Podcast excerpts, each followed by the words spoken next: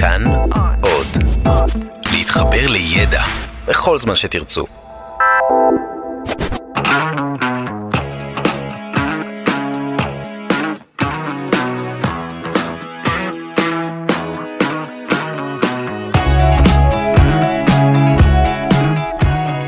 עיר העתיד.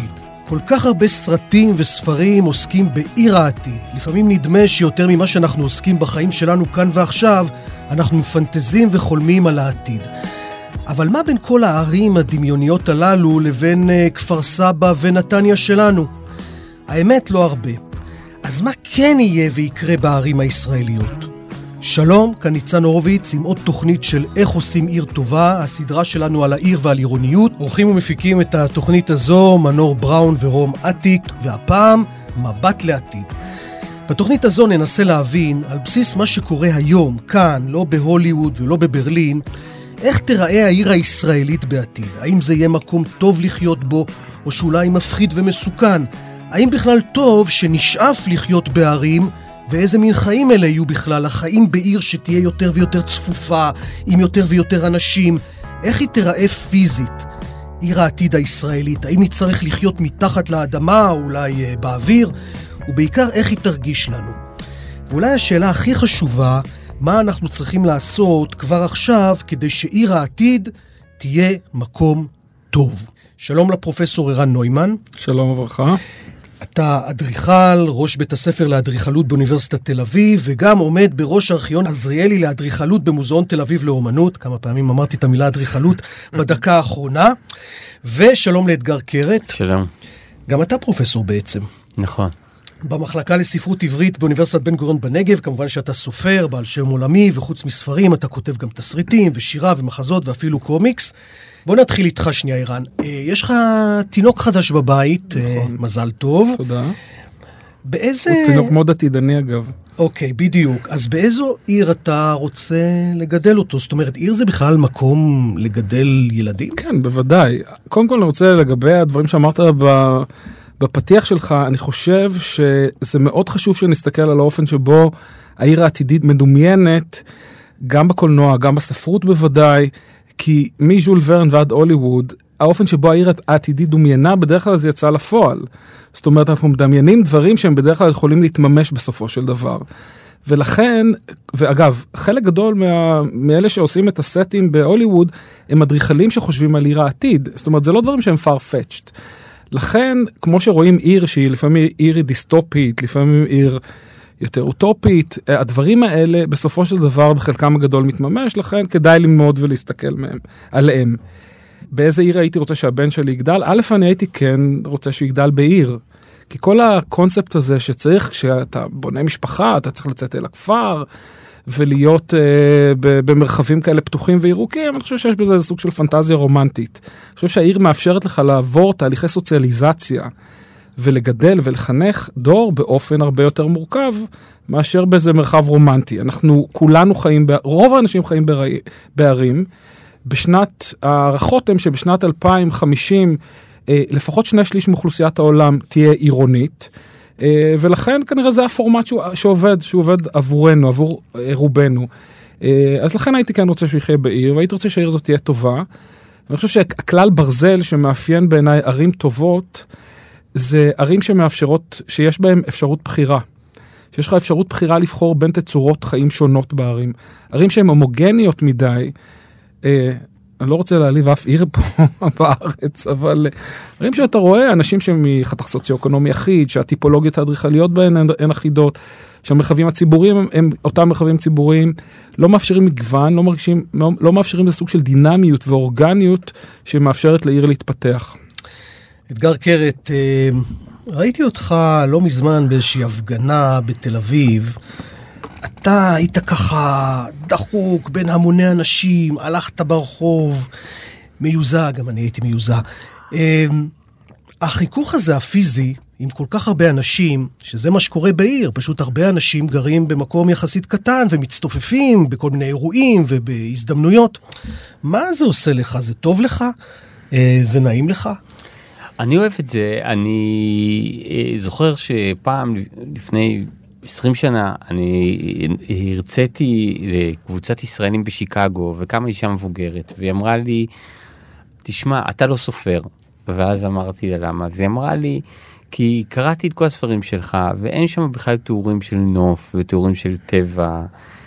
אה, וכשהיא אמרה את זה אני חזרתי לספרים שלי וראיתי שבאמת אין שם הרבה תיאורים של נוף ושל טבע כי אני חושב שתמיד כשאני מגיע למקום אז איכשהו אני תמיד מתמקד ב, ביצורים חיים, זה יכול להיות בני אדם, זה יכול להיות בעלי חיים, אני מאוד אוהב בעלי חיים, אבל איכשהו בסוף, גם אם אני מגיע למקום עם השקיעה הכי מדהימה ועם העצים הכי יפים, בסוף אני זוכר משהו שמישהו אמר לי, או איזה חתול שעבר שם במקרה. אה, ובגלל שבאמת הנוף האנושי הכי מעניין אותי, אז אני אוהב לגור במקומות שהם יחסית צפופים והם יכולים לייצר אינטראקציות אנושיות מעניינות. ולפעמים זה מייצר דברים אה, פחות נעימים, אתה יודע. אולי אה, אנחנו בטבענו יצורים שאמורים ככה לחיות אה, בנפרד אחד מהשני. אני לא יודע, ככה היה בערך רוב האבולוציה. אולי אנחנו פשוט לא מתאימים לחיות ביחד במספרים גדולים במקומות קטנים, כי אז יוצאים מאיתנו דברים לא טובים. אז האמת היא שאני חושב שתמיד יוצאים מאיתנו דברים לא, לא טובים, אתה יודע, אולי זה כזה יותר אורגני ואמפלאגד שזה... שזה בכפר ולא אי אפשר לשמוע את הצרחות של אלו, אלו שמתעמרים בהם, אבל, אבל אני אה, נשוי לשירה, ושירה אשתי גדלה במושב רוב החיים שלה, ויש לה הרבה פעמים את הפנטזיה הזו של לשוב למושב. ואני אה, נהג מאוד גרוע, ככה סכנה לסובבים איתי, אז, אה, אז יש לי את התירוץ הזה, יש לי את הפטור הרפואי אה, לגור בעיר. אה, ו... וכשאני מגיע למקומות כאלה, זאת אומרת באמת אה, למושבים, למקום שיש בהם טבע מאוד מאוד חזק, אני מאוד נהנה, אבל אה, אחרי, אחרי מעט מאוד זמן אני באמת, אני מחפש את ה... את המגוון ש, שעיר יכולה להציע לך, ואני גם מחפש את המגוון ממקום מאוד מאוד עצל. אני רוצה, רוצה משהו, אבל משהו שאני יכול ללכת אליו ברגל, או משהו שאתה יודע שגם אם אני אסע באוטובוס אז יהיה רק מעט תחנות. אנחנו מסתכלים כאן בתוכנית הזאת קדימה, על עיר העתיד, ואני רוצה לשאול אותך, ערן נוימן, האם בכלל ברור לנו שהעתיד הוא בעיר דווקא? זאת אומרת, אתה יודע, במשך הרבה מאוד שנים, ובהרבה מקומות עד עצם היום הזה, העיר לא נתפסה ולא נתפסת כמשהו שיש לו, שצריך לו להיות לו עתיד. א', אני חושב שכן. אני לא רוצה שישתמע מזה שאני נגד מושבים או נגד תצורות התיישבות אחרות, אבל אם מסתכלים על ההיסטוריה, האורבנ... ההיסטוריה האנושית, אז, וגם על ההיסטוריה האורבנית, אז הערים הולכות ונעשות, למרות שהיו מלא תיאורטיקנים שאמרו שהערים במשבר וזה לא יעבוד וכן הלאה, והיו גם הרבה אדריכלים שהציעו כל מיני הצעות uh, באמת uh, מופרכות לגמרי לגבי מה העיר צריכה להיות. אנחנו רואים שהדבר הזה תופס, הולך וגדל. אז אני חושב שזה, המספרים מדברים בעד עצמם. אני כן חושב, אפרופו ציפוף, שיש יש גבול מסוים לאופן שבו ערים יכולות לתפקד. אנחנו מכירים מגה ערים כמו מקסיקו סיטי, כמו איסטנבול, כמו קהיר, ערים של 20 ו-30 מיליון איש, שיכול שזה כבר יותר מדי, שהמערכות העירוניות גם בעתיד לא יוכלו לעמוד ב, ב, ולתפקד ב, בערים כל כך גדולות. אה, אבל זו גם שאלה שקשורה לאופן שבו הטכנולוגיה העתידית תתפתח. היום אנחנו מדברים על מצב כזה שבעתיד התחבורה לא יהיו רכבים פרטיים, יהיה, יהיה את המכוניות החשמליות שיבואו ויקחו אותך ואחרי זה ילכו ו, ויחנו בעצמם. אז אני מניח שהערים גם ילכו ויתפתחו לטובת אה, הטכנולוגיות העתידיות. תראו, קודם כל כבר ברור לנו ש... בעיר העתיד, ואני לא מדבר על עתיד של עוד 200 או 100 שנה, בעיר העתיד, בעשרות השנים הקרובות, יהיו הרבה יותר אנשים. אבל הרבה הרבה יותר אנשים ממה שאנחנו אה, מכירים או חווים היום, פשוט בגלל נתוני הבסיס של, אה, אם אנחנו מדברים על ישראל, על צפיפות במדינת ישראל. אני רוצה להשמיע לכם פה קטע מתוך אה, פרויקט של אה, רונית ברקוביץ' מהטכניון, אה, אמין מקריין את זה, על הצפיפות בישראל. הנושא הבוער ביותר בישראל מבחינה חברתית, כלכלית ותרבותית הוא צפיפות. ישראל היא אחת המדינות הצפופות בעולם המערבי.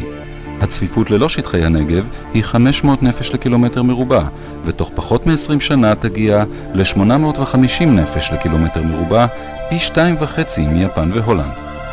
אה, טוב, מה, מה עושים עם כל כך הרבה אנשים? אולי אה, נעשה להם בתי קרת כאלה, כמו שיש לך בוורשה, הבית הצר בעולם. כמה הרוחב שלו? מטר וחצי? אה, מטר וארבעים, כן. אז אולי נגור בבתים כולנו קטנים כאלה? או, שאני, או שנלך לישון חב, חבוקים, אתה יודע, נגור, הבתים היו רחבים, אבל נגור בהם אנשים רבים יחד. כשמסתכלים באופן כללי על ישראל, אז באמת ישראל היא אחת המדינות הצפופות מבחינת אה, אנשים לקילומטר מרובע, אם עוזבים את הנגב בחוץ. אה, אה, עם זאת, תיקח את תל אביב, למשל פריז היא צפופה פי שלושה מתל אביב. ותל אביב עדיין יכולה לצמוח לגובה 7-8 קומות, כל הבניינים של, שאנחנו מאוד אוהבים של הסגנון הבינלאומי, יכולה לצמוח לגובה, עדיין לייצר ציפוף שיהיה ציפוף סביר, בלי שנדרוך אחד לשני על, ה, על האצבעות. אתה חושב שבעיר העתיד אנחנו נדרוך אחד לשני על האצבעות? אתה חושב שזה הולך למקום טוב או שזה הולך למקום רע? אני מקווה שיהיו מתכננים שידעו לעשות את העיר צפופה אבל עדיין מרווחת. מה, דו... מה נוסחת הקסם? הנוסחה היא, זה שני דברים. א', לחיות, ללמוד לחיות בפחות מטר מרובע פר בן אדם. אנחנו אוהבים שיש לנו מרחב וכמה שיותר רוצים דירות מאוד גדולות, אז זה לעבור לדירות קטנות יותר. וב', ללמוד לעשות שימוש מושכל בשטחים ציבוריים. אה, שישמשו פונקציות שונות, שבבוקר זה יהיה בית ספר ואחר צהריים זה יכול לשמש גם דברים אחרים. ואז אתה יכול לצופף יותר, כי אתה לא צריך לבנות עוד הרבה אה, מבנים ציבוריים שעומדים שעות שלמות של היום ריקים. אגב, אני באמת, אה, כילד, אז תמיד היינו הולכים לשחק בחצר בית הספר אחר הצהריים.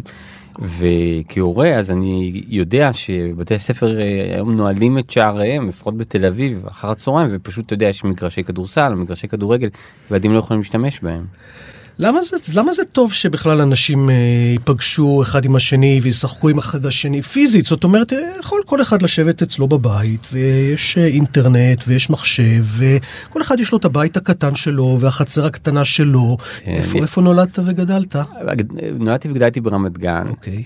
ואני גר בתל אביב, אז אני בעצם כל חיי אה, עברו ברדיוס של, לא יודע, פחות מעשרה קילומטר. אבל, אה, אבל שאני יודע שאני יוצא אה, החוצה, אני פשוט, אה, יש לי איזושהי ציפייה שיקרה משהו מעניין. ומה שאני אוהב זה באמת את הדברים הלא צפויים שקורים. אגב, זה לא קורים, זה לא נכון רק לגבי עיר, אתה יודע, גם אתה יכול ללכת במושב, לפגוש עורב, אני, או לא יודע מה, לראות משהו שהוא מעניין, אבל, אבל בעיר, אני, יש לי ממש כמה ספסלים שאני, בכל מסלול שאני לוקח, אני אוהב לשבת בספסל ולהסתכל אה, על העוברים ושבים. וזה נותן לך השראה? זה דברים שאתה כותב ועושה? אה, אני לא יודע, אני אף פעם לא הצלחתי להבין אה, אילו מהדברים הם מגיעים לטקסט ואילו לא, אבל אני אוהב לשבת, להסתכל על זוגות ולנסות להמציא את הסיפור חייהם ואת המערכות היחסים ביניהם. אני אוהב אה, אה, להסתכל באמת על בעלי חיים, על חתולים, על ציפורים, ו, והבן שלי ואני, אנחנו באמת אה, הולכים כל יום לבית ספר ביחד, והבית ספר, זאת הליכה של כמעט חצי שעה. ואנחנו פשוט אוהבים את ההליכה הזאת כי הוא פתאום אומר לי אוי תסתכל תראה את האיש ההוא שמה ותראה איך בבית קפה הם שמו את השולחן עקום ואיך שהדברים האלו הם אה, הפכו להיות איזה מין תרבות פנאי אולי של אנשים קצת אה, עצלים וקצת איטיים וקצת חטטנים. אז ערן, איך נגרום לכך שאתגר יהיו כל מיני אנשים שהוא יוכל לראות בעיר? זאת אומרת שיהיו שם אנשים מבוגרים וצעירים, ושיהיו אנשים מכל מיני קבוצות וצבעים ו- ועדות ואני לא יודע מה. איך, איך עושים את זה כדי שבעיר העתיד שלנו תהיה אוכלוסייה, זאת אומרת, תהיה האוכלוסייה, אנשים יגורו, אתה יודע, האנשים הם אנשים מכל מיני סוגים. תראה, א', אה, אני חושב שזה צריך לבוא דרך, אין, אין, לא תהיה ברירה לעשות איזה סוג של monitoring על הדבר הזה. כי גם ניו יורק, אחד הדברים שהיום היא מבכה עליו, שהיא איבדה את מה שנקרא ה-creative class שלה. כל השכבה של היוצרים, אה, מכל הסוגים, בין אם זה סופרים או אמנים ואחרים, לא יכולים להרשות לעצמם לחיות במנהטן, והם עוזבים. והעיר נהפכה להיות בגלל זה יותר משעממת. אה, ולכן צריך, וצריך את המגוון הזה. אז העיר צריכה איזה סוג של monitoring לייצר גם... איך? אה, לייצר גם באמת דיור מוגן ודיור בר השגה ודברים מהסוג הזה, שעיר אם היא רוצה שיהיה לה את המגוון הזה, היא לא יכולה להתנהל רק לפי תנאי השוק. היא חייבת שיש שם איזה, יהיה שליטה יותר גדולה. אבל לגבי מה ששאלת קודם, הילד שנסענו להביא בפונדקאות, נסענו להביא אותו מלוס אנג'לס, במשך חודש היינו בלוס אנג'לס, זה היה נהדר שהשתמשנו באמזון, כל מה שרצינו, כמעט גם ברמת החלב, הגיע לנו לדלת כמעט עם רחפן שהביא לנו את הכל.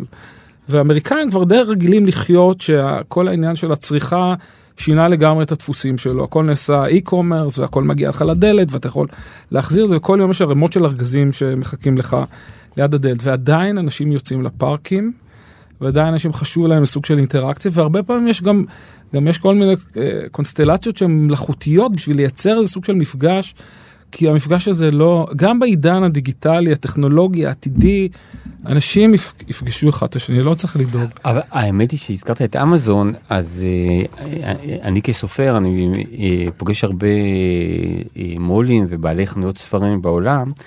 והיום המגמה היא אה, אה, אה, לפתוח חנויות ספרים שהם גם בתי קפה. והסיבה היא שכרגע אתה צריך, היום כיום אתה צריך להעניק ללקוח חוויה, זה לא מספיק לתת לו את המוצר, ואז בעצם החנויות הספרים היום הן הופכות להיות מקום מפגש שבו סופרים יכולים לפגוש קוראים, ושקוראים יכולים לפגוש קוראים אחרים שמתעניינים באותו חומר, ומקומות שבו, לא יודע מה, בנים מתחילים עם בנות, ובנות עם בנים, ובנים עם בנים ובנות עם בנות, אבל בעצם מקום מפגש כזה, כזה ש... ואני חושב שגם בעצם אה, נניח אה, חנויות אה, למוצרים אחרים, הן יהפכו להיות יותר מסוג של מוזיאון או אולם תצוגה ופחות מקום שאתה באמת צריך לרכוש בו משהו פיזית, כי פיזית אתה יכול לרכוש כל דבר דרך האינטרנט. טוב, אז חברים, אני רוצה להוריד אתכם ככה מרמות לוס אנג'לס והעולם. אז בואו אני אקח אתכם לעיר המושלמת שנמצאת בדיוק באמצע הדרך בין תל אביב לירושלים, ושמה מודיעין. הביטו אל האופק, מסביב הכל ירוק, החיים נראים אחרת, וזה כבר לא רחוק.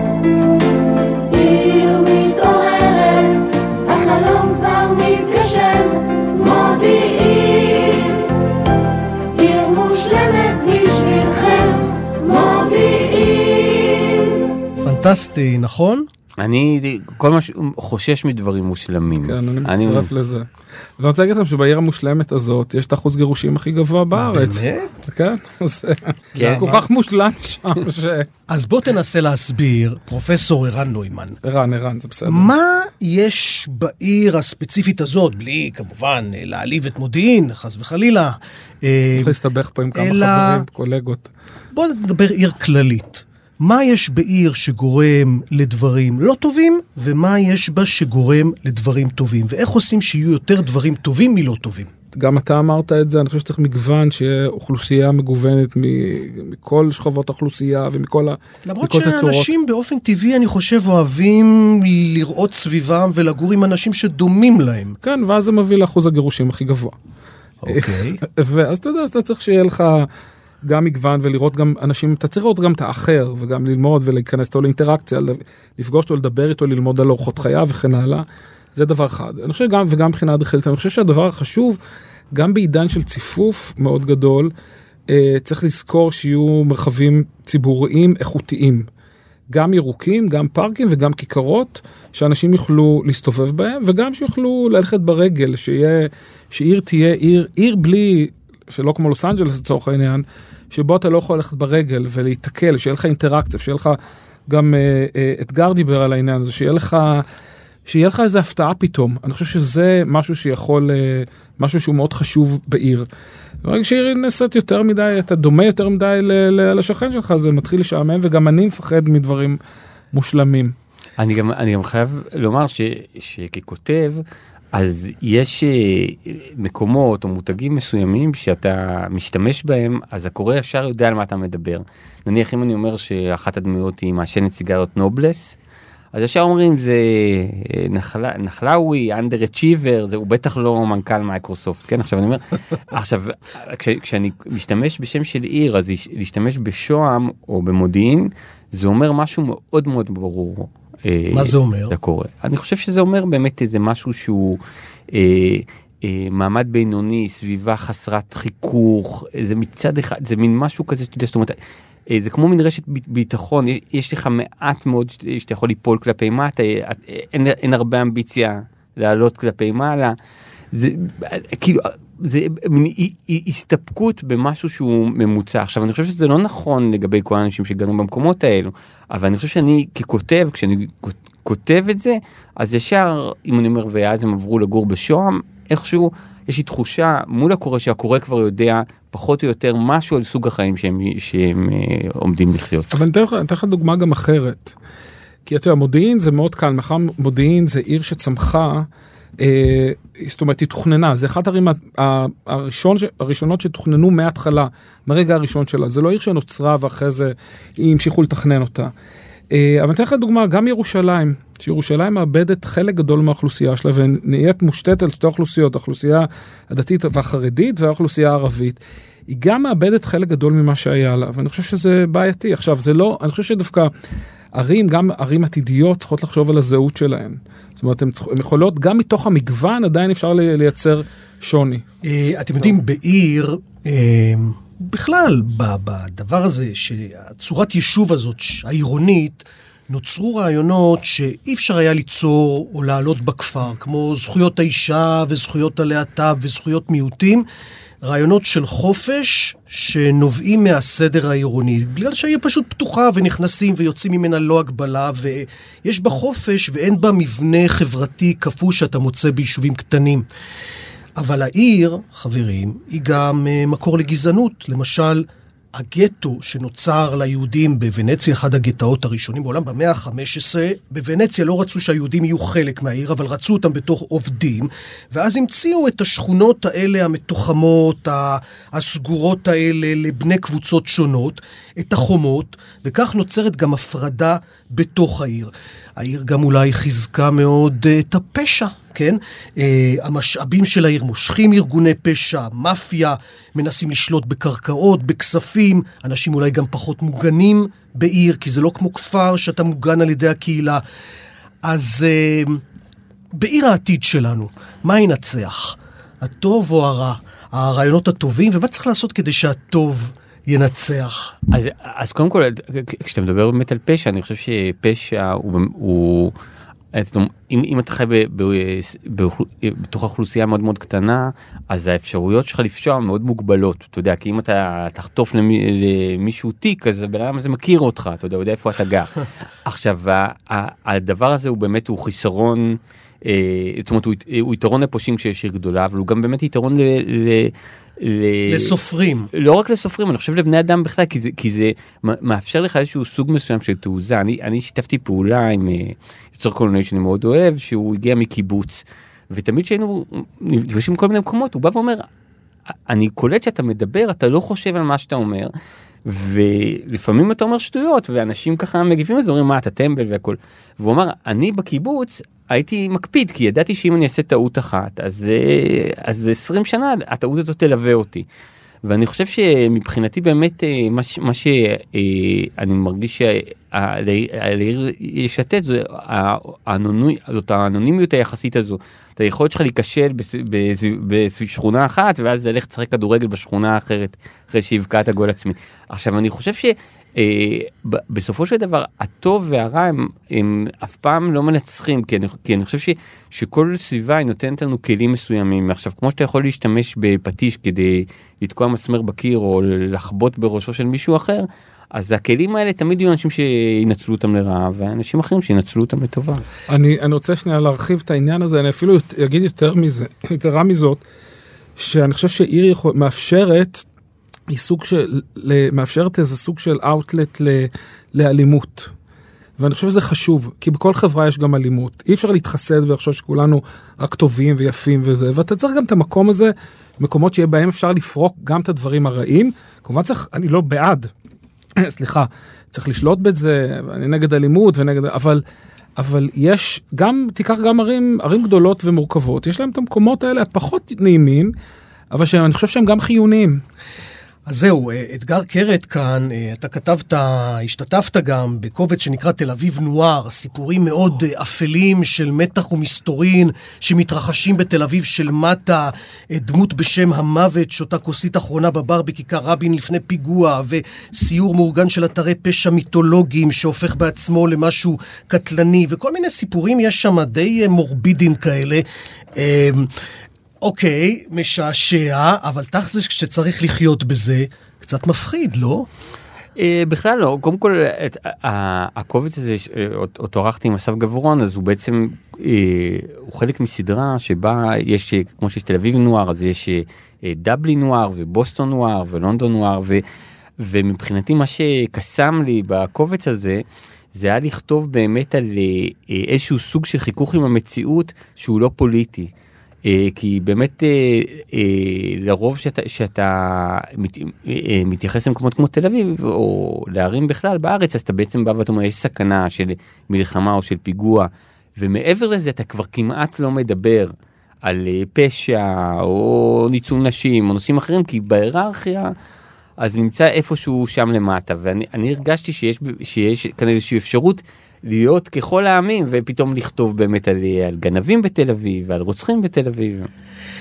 אמ, טוב, בואו אה, נדבר קצת על איך העיר הזאת אה, תיראה. פשוט אה, נקפוץ במכונת זמן, נאמר 30 שנה קדימה. איך היא תיראה פיזית? האם, הנה בואו תשמעו את זה, זאת תחזית מלפני עשר שנים נדמה לי, כתבה ברדיו, על מה, על מה הולך להיות בעתיד. בתוך כמה שנים יעבור חלק נכבד ממרכזי העסקים והפנאי של ישראל אל מתחת לפני האדמה. תוכניות לבניית מתחמים תת-קרקעיים גדולים נמצאות כבר בעיצומן כחלק מהפתרון לניצול עתודות קרקע שהולכות ואוזלות. בישראל של שנות האלפיים עתודות הקרקע, וזה אינו סוד, הולכות ופוחתות, ובהיעדר שטחי בנייה מעל לאדמה, לא נותר אלא לרדת מתחת לאדמה. מתחת לצומת אליצ'י ברמת גן, למשל, עתיד לקום בתוך שנים ספורות מתחם תת-קרקעי גדול ממדים, לפני ולבידור, והוא יתחבר גם אל תחנת הרכבת התחתית, שגם היא עתידה לצאת לדרכה באחד הימים. מסביר האדריכל אמיר קולקר, ממתכנני המתחם. במרכז הזה יהיו אה, דיסקוטקים, יהיו בתי קולנוע, יהיו חנויות, כל אלה ישמשו גם ביום את הבאים אל המגדלים, ובעיקר בלילה לא יפריעו לחיי העיר. אז מה, נהיה מין עכברים תת-קרקעיים אה, כאלה? אני, אני לא... חפרפרות? אה, שוב, זה תלוי, תלוי על איזה... אם החזון הוא כזה דיסטופי או לא. אני, אני גם לא פוחד מזה שאנחנו נהיה חלקית מתחת לאדמה. כי אני חושב שיש יש באמת, נגיד, בתי קולנוע. בתי קולנוע לא צריכים חלונות.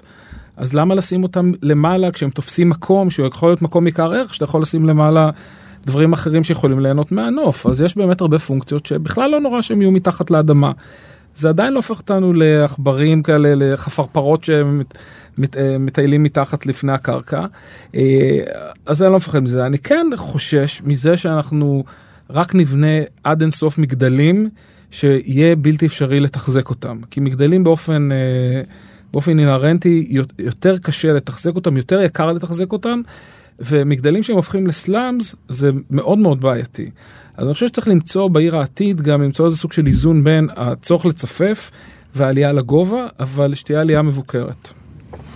אה, אני, האמת היא שאני שואל את עצמי, תל אביב עוד 10 אה, או 20 שנה, אם אה, תהיה תחבורה ציבורית בשבת, ואם העסקים יהיו פתוחים בשבת או לא. כי אני חושב שבאמת שבמקרה הספציפי של תל אביב יש את ה... כביכול את המתח בין תל אביב לבין ישראל, או חלקים אחרים בישראל, או ממשלות מסוימות בישראל. ואותי מעניין, זאת אומרת, אם, אם תל אביב ת, תהיה איזה מין מעוז אחרון של חילוניות, או שהיא תהיה דווקא איזה מין אה, אה, כוח מוביל שדווקא אה, יעזור למקומות אחרים שירצו לשמור על איזשהו צביון שהוא פחות דתי. אה, להמשיך לחיות את אה, חייהם. ואולי אנחנו בכלל צריכים קצת להשתגע ולהשתולל ולחשוב באמת מחוץ לקופסה ולהגיע למשהו מטורף לגמרי, ואולי התשובה היא שם. תשמעו את זה. כבוד השר, מוזמנים נכבדים, תושבי יפו תל אביב ברבבותיכם. התאספנו כאן היום במעמד חגיגי זה כדי למסור לרשות הקהל הרחב את התעלה התל אביבית הראשונה. רמאות! רמאות! כן, אמרו לנו רמאות, לא ייתכן, והנה התעלה המופלאה משתרעת למרגילותינו. העירייה רואה תפקיד ראשוני בהבטחת שירות סדיר של סירות על פני התעלה.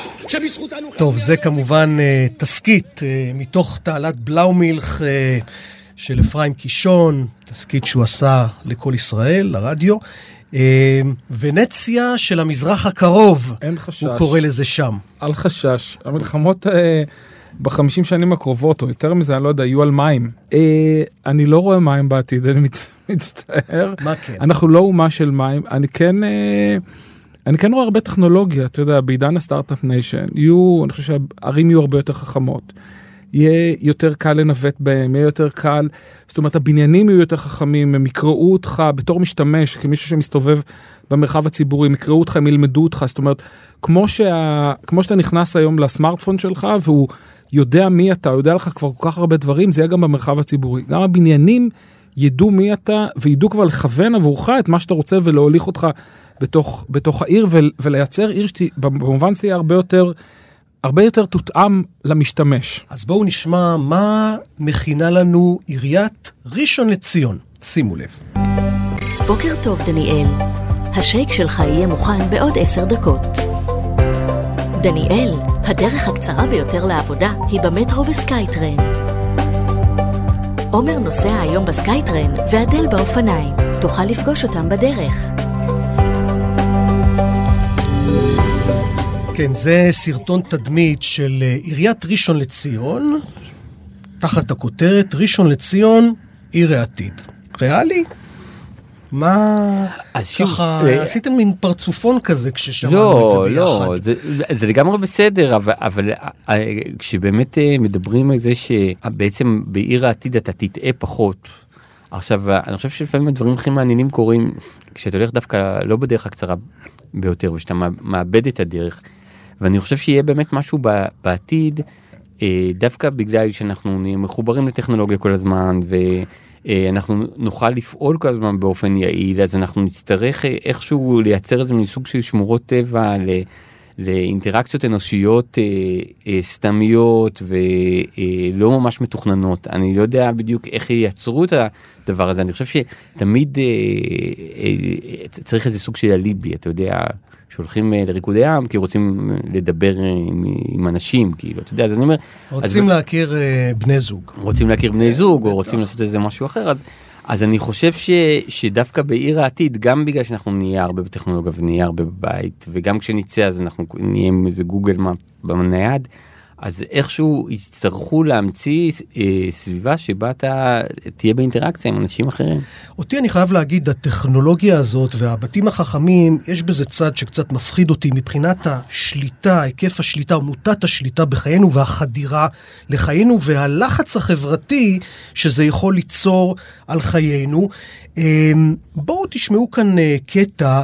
מתוך uh, כתבה בתוכנית המדע של גלובס שנקראת מחוץ לקופסה, על, והם אפילו מתגאים בזה ומציגים איך העיר העתיד תפעל ותדרבן אותך לעשות כל מיני דברים באמצעות לחץ חברתי תוך שימוש באמצעים טכנולוגיים.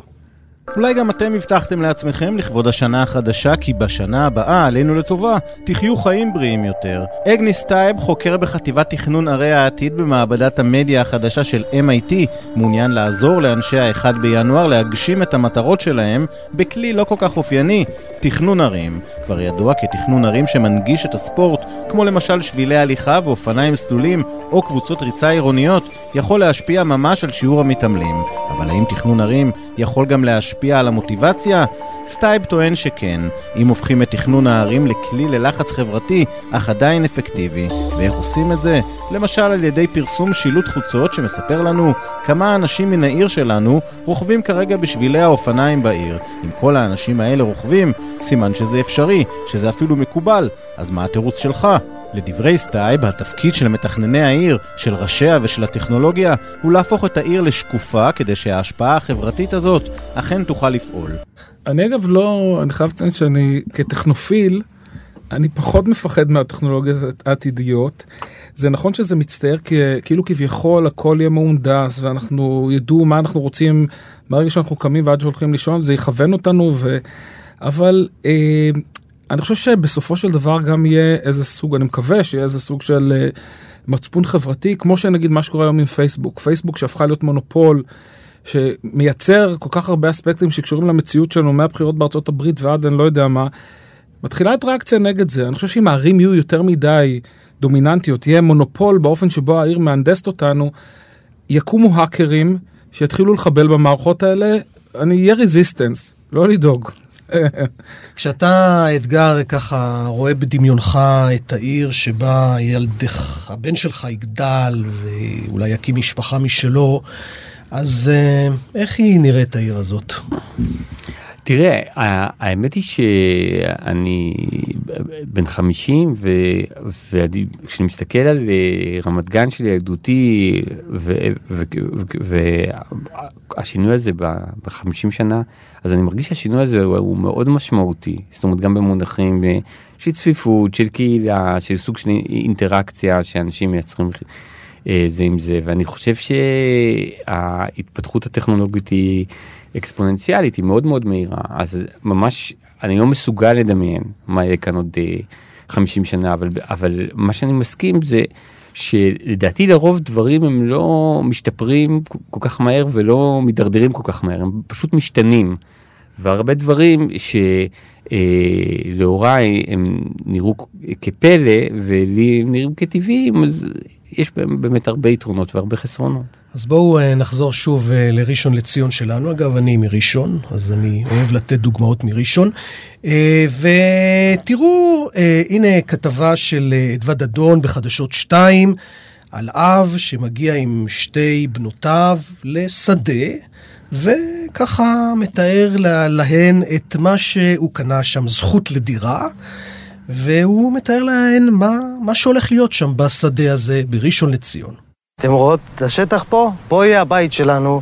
לכל אחד מכם תהיה חדר, מרפסת שתשקיף על העיר הכי יפה בארץ. בשדה הקוצים הזה, בראשון לציון, שחר ומשפחתו חולמים להקים את ביתם. לבנות קצת קשה לדמיין עכשיו כיצד זה ייראה, אבל בעיריית ראשון לציון מבטיחים שבעוד כמה שנים תהיה כאן שכונה שלמה חדשה שתיראה כך. יחידת קרקע כיום עולה פה 490 אלף.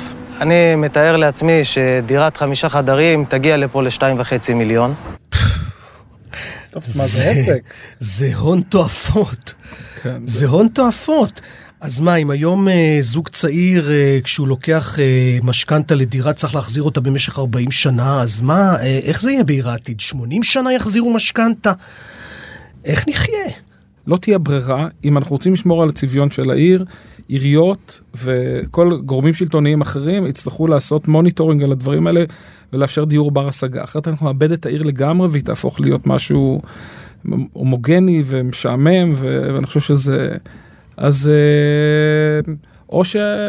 או שבאמת, יהיה באמת איזה משהו אפוקליפטי כזה שאנחנו לא נרצה לחיות בו.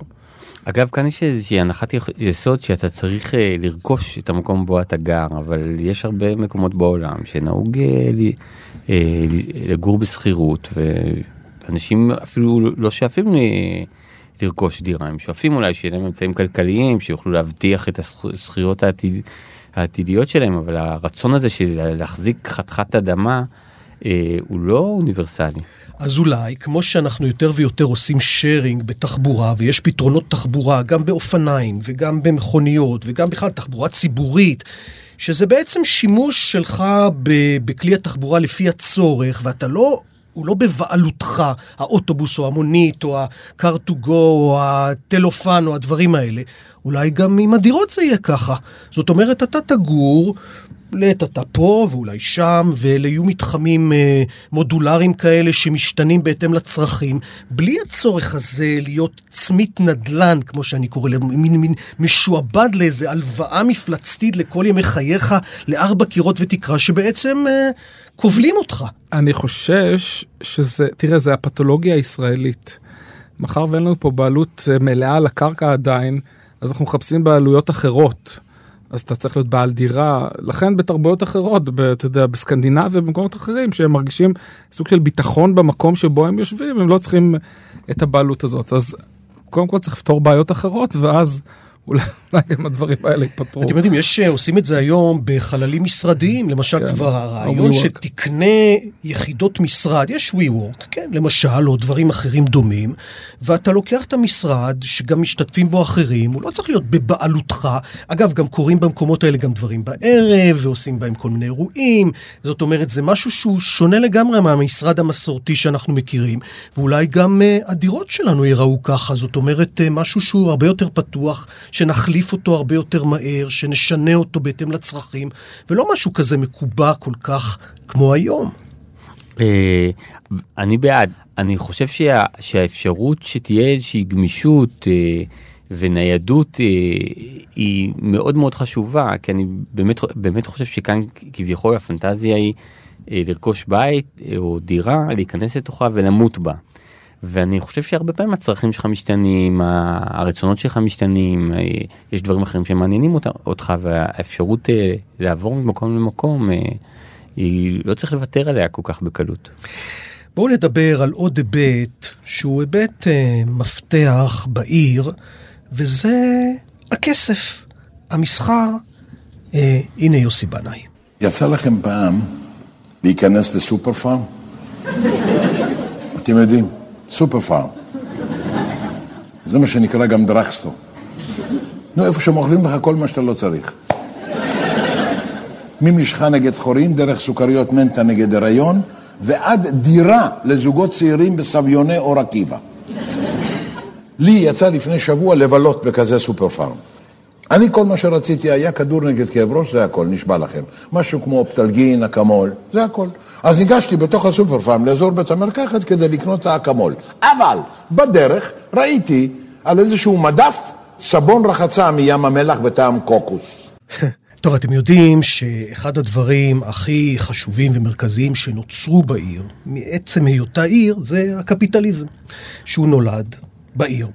ואולי בעצם הסיפור העירוני הוא אה, בסך הכל עניין מסחרי. אתם יודעים, אה, אחת ההגדרות של רחוב עירוני טוב זה רחוב שיש בו הרבה חנויות ושאנשים מסתובבים בו וקונים כל מיני דברים. אז אולי אה, בעצם אה, אתגר, כשאנחנו מדברים על החיכוך והקרבה והידידות והקהילה, בסוף אה, money makes the world goes around, כן? אז אני חייב לומר ש, שתל אביב, בהשוואה לערים אחרות שביליתי בהן לא מעט זמן, נניח בהשוואה לניו יורק, זאת עיר שאתה יכול אה, לחיות ולבלות וליהנות בה, אה, והרבה מהפעילויות לא עולות לך כסף. לא עולות לך כסף, אני הולך לים ושוחה אה, שם ומשחק מתקות ופוגש חברים ו... ובניגוד למקומות באמת כמו ניו יורק, שאתה מרגיש שכל אינטראקציה, איכשהו משהו יורד לך מהארנק. אנחנו הולכים, אה, ערן נוימן, למקום החינמי של עיר פתוחה, עיר עתיד שתהיה חופשית, שתהיה משתפת מכילה, או על כל נשימת אוויר אה, מישהו יגבה ממך איזה עמלה? זה תלוי כמובן בקונטקסט החברתי ובעיר, בתפיסה הכלכלית של איפה שזה יקרה. כי למשל, תקח עיר כמו פילדלפיה, שאני חושב שעיר נפלאה, ועיר מודל באמת שיכולה להיות להרבה ערים אחרות. מצד אחד עיר קפיטליסטית, עיר גדולה, עיר שיש בה גם אינטימיות מאוד גדולה, כי זה לא כמו ניו יורק שהיא מוצפת בהמון תיירים, אז הרבה אנשים בעיר גדולה מכירים שם אחד את השני, ומצד שני זה עיר שהעירייה נותנת המון שירותים לתושבים בחינם. גם מווי-פיי חינם בכל העיר כולה, תחבורה ציבורית שהיא ברובה הגדולה בחינם, כניסה למוזיאונים בחינם וכן הלאה וכן הלאה. Uh, אני מאוד מקווה שזה ילך לכיוון חינמי. זה, אני אומר שוב, זה עניין, זה עניין של uh, תפיסה של השלטון, אבל זה עד כמה, כמה הוא מוכן לתת לאזרחים שלו. בעיניי, אה, שירותים עירוניים חופשיים או חינמיים הם uh, מנוף כלכלי. לא נכון לראות כן. את זה כך אני חושב, כאיזושהי הוצאה ונטל במקומות מסוימים בעולם, כש... עשו תחבורה ציבורית חינם. חינם לחלוטין, תחבורה עירונית חינם. האוטובוס חינם. הרכב... זה רק הגביר את השימוש של האנשים באמצעים הללו, הוריד לחץ של תנועה במכוניות, פתח, הוריד תאונות, הוריד זיהום אוויר, הוריד רעש, הוריד מפגעים. בעצם העיר, אפילו כלכלית, אם אתה מודד את זה בכסף, הרוויחה הרבה יותר מזה שהיא נתנה שירות חינמי, שעשה כזה שינוי רחב בעיר, שבסופו של דבר גם השתלם לכלכלית והביא אליה עוד עסקים ועוד אנשים. וזה גם מייצר דמוקרטיה, כי באמת, אתה יודע, אני, אני זוכר שהייתי צריך להרצות, ב, אני חושב בסינסינטי, ושמו אותי שם באיזשהו מלון, ושאלתי אותם לאן אני יכול ללכת משם ברגל, והם אמרו לי, ברגל אתה לא יכול. אז אמרתי להם, למה? אז אמרו, כי בשכונה הזאת אין מדרכות. אז... אז אמרתי להם למה אין מדרכות אז הם אומרים כי אם נבנה מדרכות יתחילו לבוא עניים. עכשיו אני אומר שבאמת יש איזשהו משהו שהשירותים שה, החינמיים האלו הם בעצם אה, לא מוציאים אף אחד בחוץ אתה לא צריך שיהיה לך אה, רכב או אתה לא צריך להרוויח מעל אה, לסכום מסוים כדי שתוכל לקחת חלק ב, בפעילויות העירוניות וזה באמת שומר את המגוון הזה שדיברנו כן, עליו. כן, א' זה שומר מגוון, רוצה להוסיף גם בעניין הזה שאני חושב שעיר טובה בעתיד תצטרך לדאוג גם לילדים. זאת אומרת שהיא צריכה להיות מספיק בטוחה שבה ילדים יוכלו, כמו בסינסנטי, שילדים לא יכולים, ההורים צריכים להסיע אותם ממקום למקום, לא יכולים לצאת וללכת בעצמם ולהיפגש עם חברים וכן הלאה. גם ילדים ונוער זה כוח כלכלי מאוד מאוד חזק, וזה גם, אתה מחנך אותם גם לעתיד, אתה חייב כבר מגיל צעיר לאפשר לעיר שתהיה לכולם, גם לגילאים צעירים. חברים, אנחנו חותרים ככה לסיום, אז uh, אני אבקש מכל אחד מכם, תתפרעו קצת ותביאו לנו איזה דבר אחד, אפילו דמיוני ככל שיהיה, שאתם רוצים שיהיה בעיר העתיד. אני הייתי רוצה הרבה חיות ברחוב. הייתי רוצה לעודד את תופעת חיות הרחוב, שאני יודע שהרבה אנשים מרגישים אה, מאוימים ממנה. אני באמת, אני, אגב, בישראל יש המון חתולים ברחובות. עכשיו זה נובע גם ממזג האוויר, אבל גם העובדה שאנשים מאכילים אותם. אז אני הייתי מקווה שגם בעתיד לא יעשו איזשהו סוג של רגולציה שתפגע בחיות הרחוב. טוב, יש לנו גם הרבה ג'וקים ועכברים וחולדות ויתושים. גם אותם אני מחבב, את היתושים פחות. כן, אבל כן, אני מצטרף לעניין הזה של... של טבע עירוני, טבע עירוני זה דבר נהדר, זאת אומרת שיש לו את האקוסיסטם אה, משל עצמו. אה, אני מצטרף למובן הזה שהייתי כן מוסיף את העניין שהייתי רוצה שהעיר העתיד אה, תהיה הרבה יותר, אה, הרבה יותר ירוקה, גם מתוך הצפוף והבנוי ו... וכן הלאה, שיהיה יותר ירוק, שיהיה גם יותר צל, שיהיה, שיהיה אפשר לחיות בה גם מבחינה אקלימית. אני, אני מאוד אוהב חום, ואני אוהב שחם, אני אוהב, אני בין הבודדים, אני חושב שאוהב את אוגוסט. אני אוהב, זה חודש אחד, אבל עדיין אני חושב שהעומסים הם, הם מאוד מאוד כבדים, ו... הייתי שמח אם היה, היה אפשר לייצר אקלים שהוא טיפה יותר נוח. ואני חושב שאגב, והייתי מאוד שמח שימציאו כבר את ה... שיפתחו כבר את ההמצאה החדשה שהיא לא מזגן. הוא פוגע בסביבה והוא בעייתי. אתגר קרת, ערן נוימן, אני מאוד מודה לכם. תודה לך.